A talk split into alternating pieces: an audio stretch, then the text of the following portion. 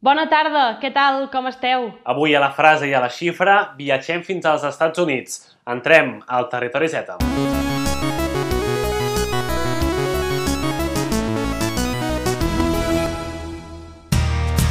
I primer de tot us ensenyem la xifra d'aquesta setmana, que és aquesta. 12. 12 què, Martí? 12 dies de protestes als Estats Units després de la mort de George Floyd en mans de la policia a Minneapolis. Avui us intentarem explicar què ha passat i resseguirem la cronologia i també comentarem algunes dades. Tot comença el dilluns 25 de maig a Minneapolis, quan George Floyd va morir en mans de la policia. Què va passar? La policia va arrestar a Floyd per presumptament haver pagat amb un bitllet fals i ell en cap moment va posar resistència. Van posar-li les manilles i un cop anava cap al cotxe de policia per marxar del lloc dels fets, va caure a terra i va dir que tenia claustrofòbia. Un cop a terra, l'agent blanc que el va acabar matant li va col·locar el genoll al coll impedint-li la respiració. No podia respirar. De fet, en 5 minuts va dir 16 vegades que no podia respirar. I can't breath, aquest lema que s'ha sentit aquests dies a les protestes. A més, també aquest policia tenia el suport de dos companys més que aguantaven a Floyd al terra i d'un quart que s'ho mirava tot sense fer res. Mentrestant, la gent demanava al policia que sortís del coll de Floyd, ell no va fer-ho fins que Floyd va perdre la consciència. Va arribar l'ambulància, se'l va endur a l'hospital, però allà Floyd va acabar morint. Aquest fet va desencadenar, va fer esclatar un seguit de protestes i de concentracions arreu del país per protestar en contra de la mort de George Floyd i també de la violència policial. Dos fets, per exemple. El dimecres, dos dies després de la mort de Floyd a mans de la policia, els concentrats van cremar la comissaria de Minneapolis, la ciutat on van tenir lloc els fets. I el divendres, dos dies més tard i ara fa una setmana, la protesta va arribar a Washington, la ciutat de la Casa Blanca on viu el president Donald Trump. Per primer cop, la Casa Blanca va apagar les llums a la nit i Trump va haver-se de refugiar al búnquer per por als concentrats. Amb tot plegat i després de dues setmanes de protestes, les concentracions han arribat a 75 ciutats dels Estats Units. A més, hi ha 40 estats, dels 50 que formen el país nord-americà, que han decretat el toc de queda, que vol dir que hi ha limitacions o restriccions a l'hora de passejar pel carrer. Tot i això, la majoria de manifestants els és igual aquest toc de queda i segueixen concentrar-se. Per cert, també hi ha hagut 15 estats que han desplegat en tret del carrer la Guàrdia Nacional, que és una força militar de reserva només en casos d'emergència. I us podeu imaginar que aquestes protestes d'aquests dies no són només per la mort puntual de George Floyd, sinó per un sistema que encara és racista i també per la violència policial cap a la gent afroamericana. Tres dades, tres estadístiques per prendre en consciència. Per exemple, la pobresa. Els negres tenen dues vegades més de possibilitats de ser pobres o acabar l'atur que les persones blanques i, de fet, les eh, cases de famílies blanques són 10 cops més riques que les de les famílies negres. En relació a la policia, què passa? Doncs que 4 de cada 10 afroamericans diu que en algun moment ha sigut detingut de manera il·legal o exagerada per part de la policia només pel fet de ser negres. I, de fet, els adolescents negres tenen 21 vegades més de probabilitats de morir a mans de la policia que els adolescents blancs.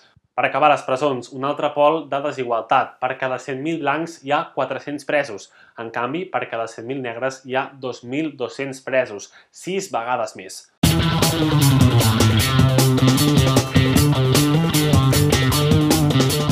Aquesta és la xifra de la setmana que va acompanyada de la frase, que avui també és sobre les protestes als Estats Units.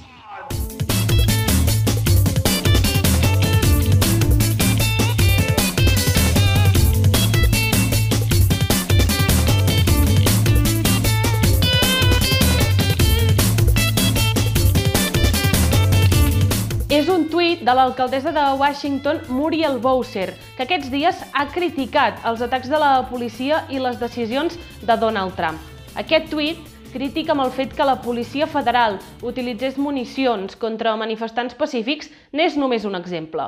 Dijous, Muriel Bowser va retirar el toc de queda a la ciutat de Washington davant el caràcter pacífic de les manifestacions i ahir divendres va demanar que Donald Trump retirés la presència de forces militars a la ciutat. I aquesta setmana, una tarda, Muriel Bowser es va unir a les manifestacions per mostrar la seva solidaritat amb els manifestants i també per rebutjar la presència de les forces militars en unes protestes pacífiques. Fins i tot, ahir divendres, l'Ajuntament de Washington va canviar el nom d'un carrer situat molt a prop de la Casa Blanca que ara es diu Black Lives Matter. Les vides negres importen. I més enllà dels Estats Units, les reaccions arran de la mort de George Floyd han estat moltes i a diversos punts de tot el món. Vosaltres què respondríeu si us preguntessin per Donald Trump? Mireu, així va respondre Justin Trudeau, el primer ministre del Canadà.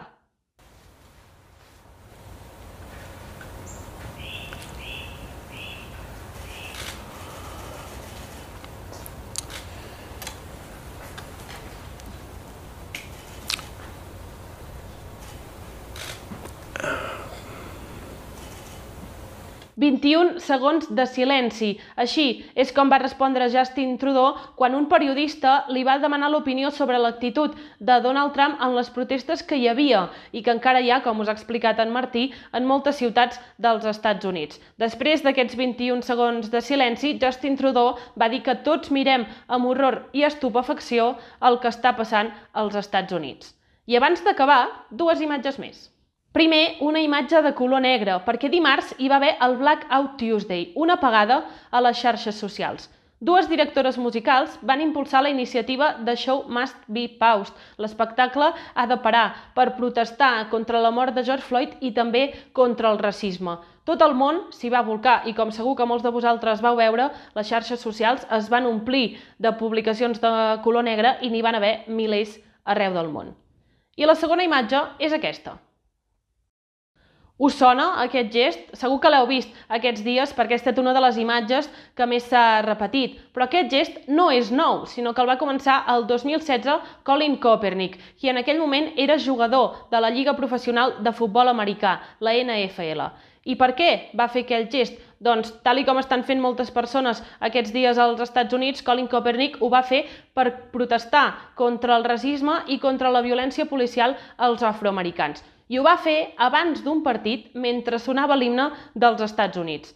I aquest gest va portar moltes conseqüències, perquè el jugador va ser expulsat de la Lliga i encara a dia d'avui no ha tornat a jugar cap partit oficial. I bé, com us comentava, aquest gest s'ha repetit a, aquests dies a moltes ciutats d'arreu del món i també dels Estats Units i fins i tot eh, hem vist policies agenollar-se al terra per protestar contra el racisme i qui també ho ha fet han estat diversos equips de futbol, com el Liverpool, el Borussia Dortmund o el Chelsea. I fins aquí el Territori Z d'avui. Moltíssimes gràcies a tots per seguir-nos. Nosaltres, com ja sabeu, hi tornem demà a les 7 de la tarda per un nou test d'actualitat. Farem un Kahoot en directe, per tant, us esperem a tots demà a les 7 de la tarda al Territori Z. Que vagi molt bé!